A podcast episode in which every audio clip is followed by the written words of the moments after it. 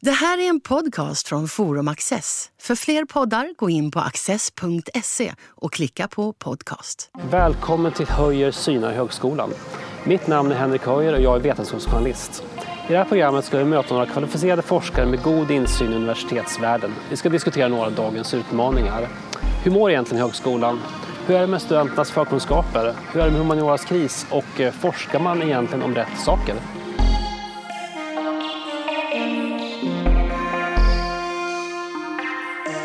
I dagens program ska vi prata om skolan.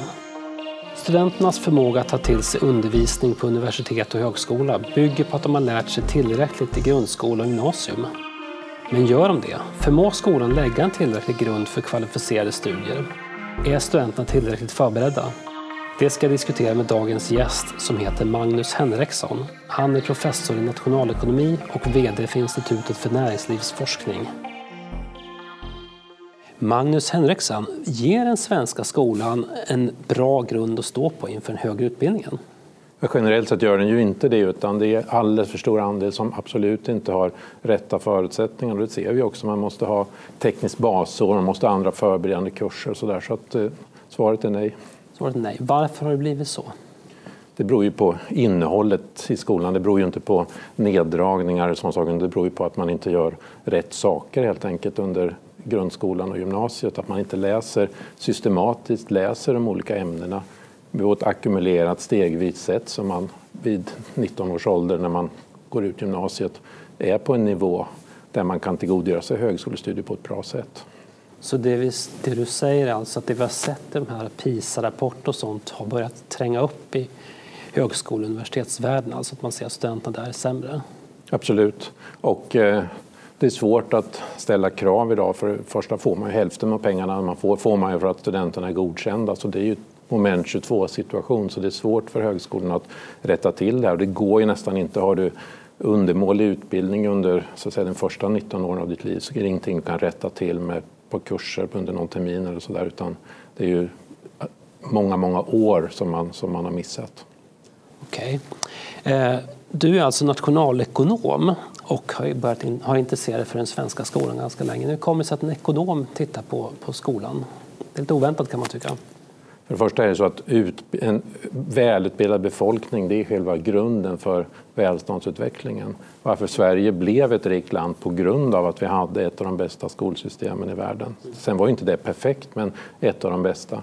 Det är också så att en välutbildad befolkning kommer ju att politiskt rösta för ett system som som, gör att, som är välståndsutvecklande och inte bara ett som försöker att omfördela så att, så att man får bättre politik, man får mer välutbildade människor som kan göra ett bättre jobb, drar till sig investeringar, leder till innovationer, leder till en positiv utveckling. Det andra skälet är ju att jag ser ju att den skola jag själv fick, den utbildning jag själv fick som på, i en vanlig landsortsskola och sen i en mindre stad gav väldigt goda förutsättningar sen för universitetsstudier. Och idag är det inte på det sättet. Så det är väl även av så att säga, rena moraliska rättviseskäl så tycker jag det är jätteviktigt. Hur märks den här förkunskapsnivån när studenter kommer till universitetet? Har du gjort studier och har man undersökt det systematiskt? Ja, det märks ju på att många inte klarar studierna bra. Man måste, att man blir tvungen att sänka kraven. Att man heller inte är beredd att, att arbeta systematiskt och, och på egen hand.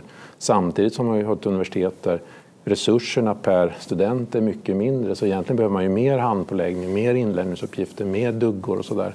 Men i själva verket blir det ju mycket att un få undervisningstimmar, väldigt många i, i en aula och sen så en tenta var, var femte vecka. Och då tenderar man istället att läsa till tentorna istället för att verkligen tillgodogöra sig materialet. Mm. Syns det här på olika sätt i olika delar av universitetsvärlden? Jag tänker på KTH eller eh, Karolinska eller humaniora så finns det några skillnader eller likheter där?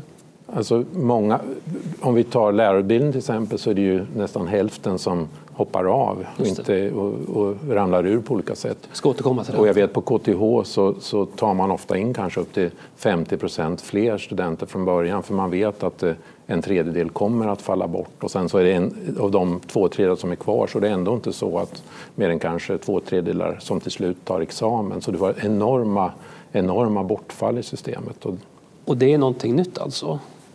Jag skulle säga att tidigare långt, långt tillbaka före 1977 så var det ju så att hade man bara en studentexamen så kunde man börja och sen så klarade sig inte alla. Det var, det var öppet på ett helt annat sätt. Mm. Sen införde man det här slutna systemet och eh, då blir det ju så att eh, universiteten vill fylla sina platser.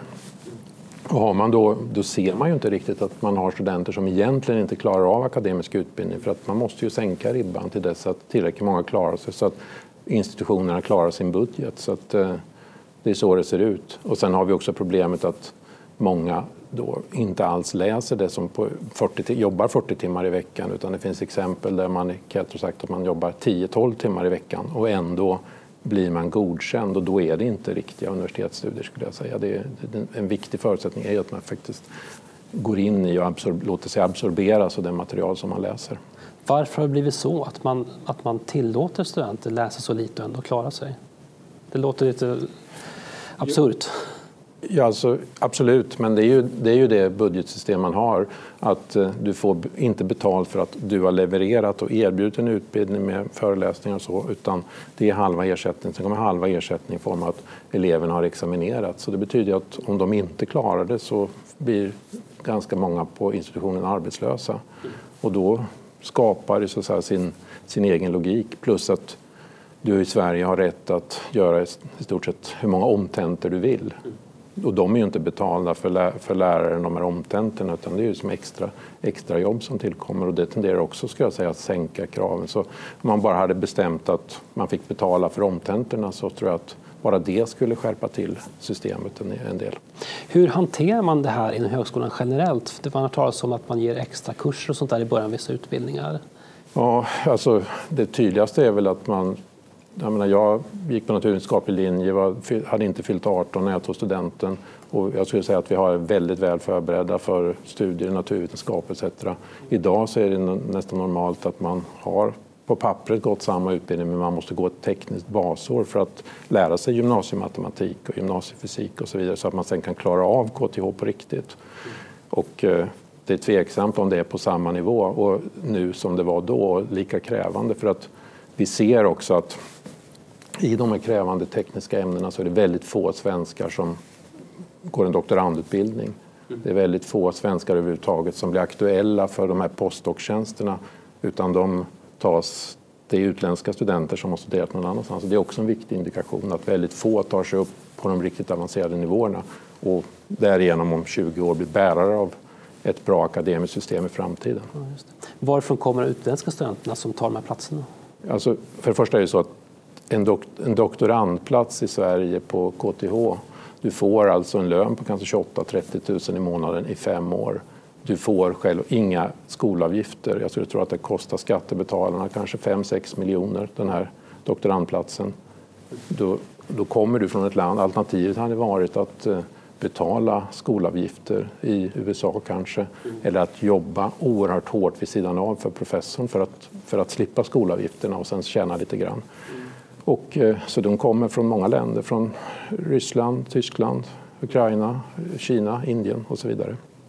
Länder med kanske bättre skolsystem än Sverige? Kan man säga så? Eller? Alltså, det finns i alla fall en, en strimma av elit, elit som plockas upp som är på en nivå att, att det är aktuellt att, att ge sig på att doktorera matematik i, i Stockholm till exempel. Men vi har ingen strategi i Sverige för att ta hand om de här sen. Att man kan säga okej, okay, vi har inte tillräckligt många som har gått i våra svenska skolsystem för att bli de framtida matteprofessorerna. Men då borde vi, eftersom vi lägger så många miljoner på att ta fram de här doktorerna, så borde vi ha en strategi för att vi förväntar oss att du lär sig svenska om du det ska vara attraktivt att stanna kvar i Sverige och bygga vidare på sin karriär. Och då finns det de här, de här karriärvägarna. Men något sånt har vi ju inte, utan varje högskola ser det som att här gäller att, flytta, att, att fylla våra doktorandplatser, här gäller det att hitta postdocs. Så att det är en extremt liten andel av de här postdocarna eller karriärtjänsterna som, som besätts av sådana som har sin bakgrund i Sverige idag. Det du berättar är ju ganska allvarligt för, svensk, för långsiktig försörjning av svensk högre utbildning. Ja. Och det går ju tillbaka hela tiden på grundskolan och gymnasiets eh, misslyckanden. Ja. Vad är det som har hänt där då egentligen? Ja, att, jag skulle säga att det i grunden handlar om synen på, kun, synen på kunskap. Att man inte accepterar att dels att baskunskaper som läsa, räkna och så vidare. Att det är någonting som man lär sig. Om vi tar läsning, hur lär man sig? Hur blir man en bra läsare? Hur får man ett bra ordförråd? Det gör man inte genom att slumpmässigt läsa texter. Det gör man genom att läsa ämnen på ett systematiskt sätt som är meningsfulla där varje nytt steg bygger vidare på det andra. Och då lär du dig massor med ord, du lär dig hantera ord, du lär dig att tänka utan att veta om det. Det är liksom en indirekt inlärning. Det är inte glosplugg utan en indirekt inlärning och då kan man ha ordförråd på 40 000 ord eh, vid slutet av gymnasiet om man har gått en riktigt bra utbildning. Idag ser vi att med högskoleprovet och så hur man måste sänka liksom, sänka, sänka kraven på ordkunskapen för att få vettiga resultat. Och så här. Det är mycket, mycket, var mycket svårare tester för 25 år sedan på högskoleprovet än vad det är idag. Det är en bra indikator på det här. Ja, intressant. Är det här framförallt problem tror du, inom grundskolan eller gymnasiet? Alltså, det är ju, hela skalan har ju sänkts men när det här har genomförts då är det så att de som kommer från en bakgrund med inte så högt utbildade föräldrar, de drabbas ju hårdast. För att har man, kommer man från ett bildat hem så kompenserar man utan att veta om det så lär man sig en massa saker i familjen och i familjens umgänge. Och det ingår så att säga att, att läsa böcker, att kunna saker. Kommer man inte från den bakgrunden så drabbas man mer. Så att ju svagare i fördelningen desto mer har man skadats av det här. Men även så att säga, toppen har också tryckts ner jämfört med tidigare. Men framför allt skadar det de som har, har, sämst, har, har svagast bakgrund. Och naturligtvis har det här blivit mycket, mycket värre i samband med den stora invandring som vi har haft. Där kanske 30-40 procent av eh, högstadieeleverna på många platser är födda utanför Sverige. Mm. Det du berättar här tycker jag det är alarmerande och problematiskt. Vad har varit argumenten för att man har förändrat skolan så att man har tappat mycket baskunskaper? Det måste funnits någonting i andra vågskolan som har drivit på det här. Alltså det är ju en, för det första är det ju en sammanhållen syn på kunskap som avviker från den här traditionella kunskapen. Att, att, att det handlar om systematiskt framtagna kunskaper som man måste tillägna sig för att sen vara på en nivå där man som vuxen sen kan ha specialistkunskaper och vara en välfungerande produktiv samhällsmedborgare. Mm. Så att hela den synen på vad kunskap är, är skulle jag säga, felaktig. Men den har slagit igenom och när, eftersom alla som äger det här systemet oavsett om de är på Skolverket, Skolinspektionen eller på lärarutbildningarna i stort sett nu överens om den synen, då är det väldigt svårt att förändra. Och det här är ju inget svenskt fenomen utan det är något precis som allt annat som är importerat från från Berkeley och eh, Yale och så vidare från amerikanska toppuniversitet där inte minst franska filosofer utvecklade detta och sen nu har det alltså fullt ut slagit igenom även i Sverige. Men det är tankegods från 90-talet eller något sånt där? Lång tid. Alltså tankegodset kom ju långt tidigare. Säga att det, I amerikansk lärarutbildning slår det igenom ungefär 1940 och sen, det, det, sen tar det fram till mellan 1965 och 1980 ungefär så är den här relativistiska kunskapssynen slår igenom i amerikanskt skolväsende. Mm. Och det är då vi ser också att framförallt den svarta befolkningen och framförallt svarta pojkarna från, från de hemmen eh, släpar efter eftersom man får inte den här strukturen, man får inte den här systematiken utan då får vi de jättestora skillnaderna. Och vi får också att föräldrar, vita medelklass och vita över medelklass kämpar som djur för att bo i ett område där skolorna är bra och inte dåliga eller sparar till privatskolor och så vidare för att få den undervisning som morfar, farfar och farmor fick gratis i, i offentliga skolor.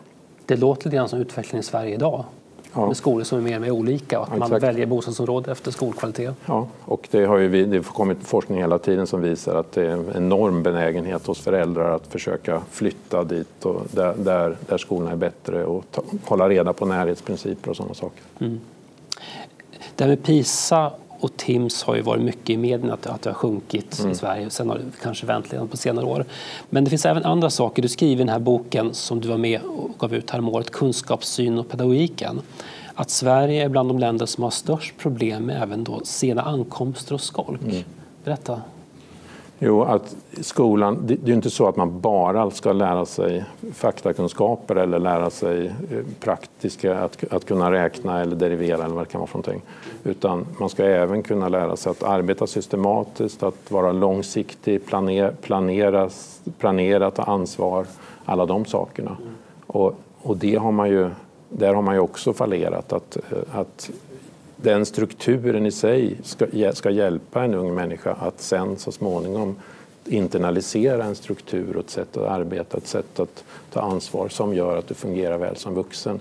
Eftersom, man inte, eftersom man inte jobbar med detta utan skolk och, och att man missköter sig och, och, och mobbing och sådär, att man inte tar itu med det, det gör ju att den delen av skolarbetet också missgynnas.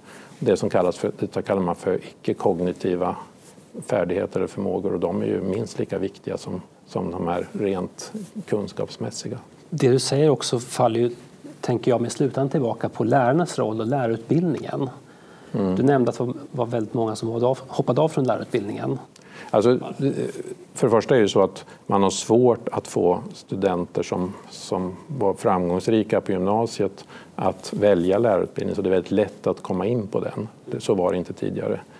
Sen är det ju inte det är ju inte lärarnas fel utan det är ju ett systemfel. Så att säga. Du, du, det finns några enstaka lärare naturligtvis som är så karismatiska och har så fantastiska ledaregenskaper att de kan göra ett bra jobb i alla fall. Men man måste alltid bygga system i stort sett för de, de, de, de som har minst sådana egenskaper så även de kan fungera väl.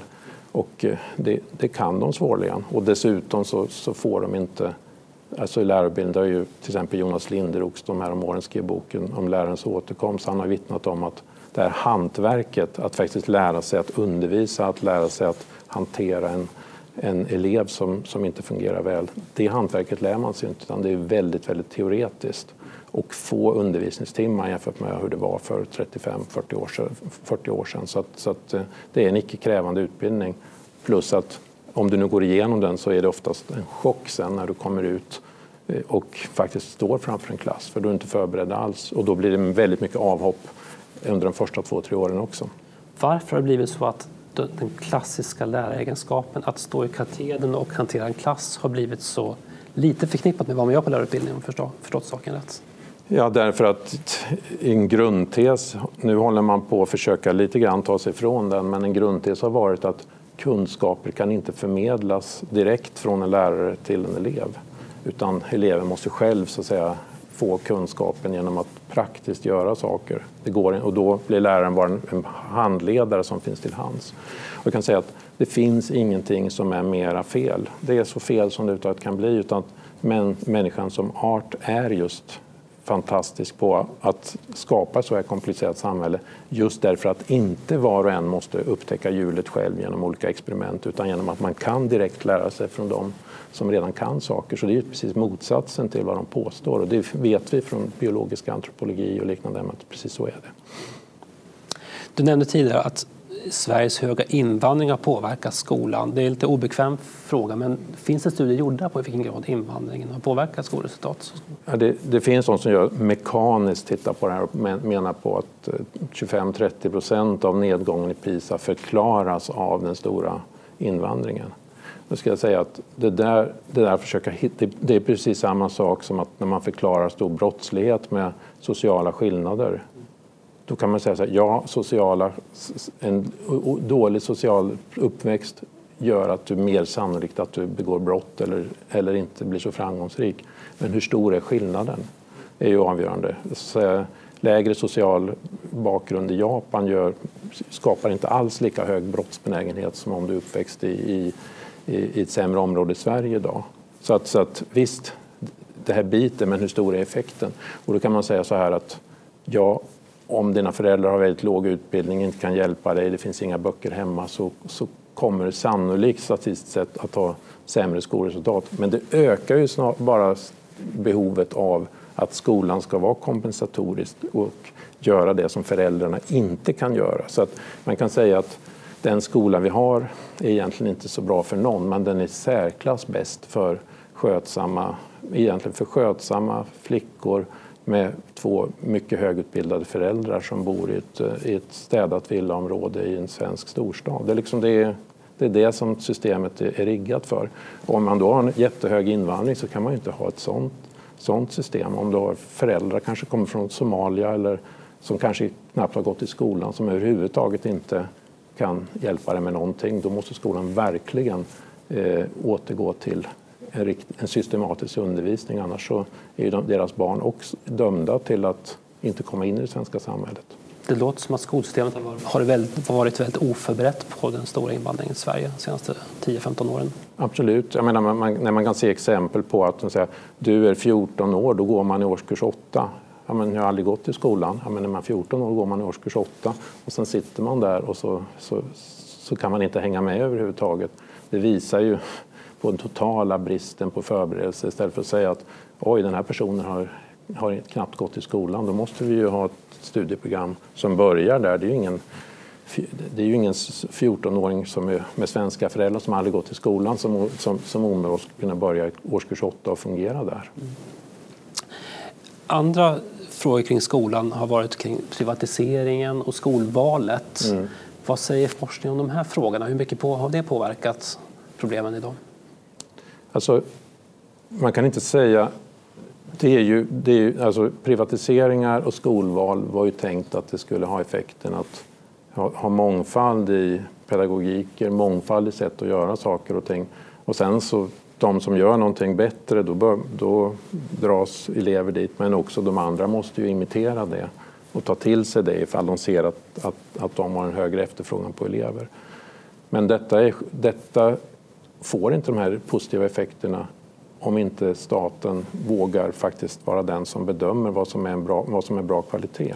Utan så som vi ser på kunskap så kan ingen utomstående riktigt bedöma vad är, vad är bra kvalitet. Och då har vi istället landat i att definiera vad ett, vad ett bibliotek är, kraven på hur lokalerna ska vara utformade, personaltäthet och sådana saker istället för att säga att ja, var och en får göra det på sitt sätt och vi mäter, vi, myndigheten, staten, vi mäter resultatet, vi sätter betygen. Då hade man kanske kunnat få precis de positiva effekter man ville ha men man har ju inte det systemet och då blir det ju lätt betygsinflation, det blir sådär att eh, ja, den här skolan är visserligen väldigt bra och krävande men det är svårare att få riktigt bra betyg så det kan vara smartare att gå på den här skolan som kräver mindre och där konkurrensen är mindre och där de är generösa med betygen för kommer jag in på juridik i Uppsala eller Karolinska institutets läkarutbildning. Det är ju helt demoraliserande. Tycker du att forskningen i Sverige har undersökt skolan och dess förutsättningar tillräckligt mycket? Alltså, för det första, pedagogisk forskning är ju väldigt omfattande. Det är, ju, det är många hundra miljoner som läggs på det varje år. Jag tror det finns 200 stycken professorer. Som, som, det är nästan bland det, tillsammans med breda ekonomutbildningar, som är det största som finns på universiteten. Där är man väldigt obenägen att göra riktiga studie, effektstudier. Att här är en kontrollgrupp, här är en grupp som, som gör på ett annat sätt och sen se vad, vad som fungerar bäst. Utan det tenderar ofta att vara kanske ideologiserade studier eller intervjustudier som inte går att egentligen utvärdera. Sen kan man säga att ekonomer har, och andra har gjort bra studier baserade på registerdata men de görs ju inom ramen för det system vi har. Och då kommer man naturligtvis hitta att har du högutbildade föräldrar så, så, så har de bättre resultat. Ja visst, men varför är skillnaden så stor? Det beror ju på att systemet antagligen är riggat på fel sätt och det tycker jag att jag själv och i den här boken som du refererar till och Johan Wenström med sin doktorsavhandling som lades fram i, i, i vintras i, i Linköping och sånt som vi jobbar vidare med. Vi försöker gå utanför det och säga vad, vad är det som är fel i systemet och då säger vi att det är synen på kunskap, det är där allting börjar, det är, det, det är där vi måste starta att förändra. Då kommer också läraryrket igen att bli ett attraktivt yrke för då har du någonting att komma med. Mm. När var den svenska skolan som allra bäst? Ungefär? Alltså det, det, ingenting har ju varit perfekt men sannolikt så skulle jag säga att den var väldigt bra i, i slutet på 60-talet, början på 70-talet. Man hade fortfarande, man hade då den här gamla, väldigt bildade lärarkåren men samtidigt så hade man så att säga öppnat upp och blivit öppnare så att, så att det var lättare att göra klass, klass, klassresor och, och eh, det här rigida som fanns tidigare, det var borta. Den typ av kanske penalistiska stil som fanns förut var borta. Men sen så lyckades man inte hålla, fatt, hålla kvar i det här och det var, utan då, då blev det en slags nivellering som har ställt till det. Mm. Hur, hur vänder vi utvecklingen tycker du nu om man ska förbättra svenska skolan och komma tillbaka till det?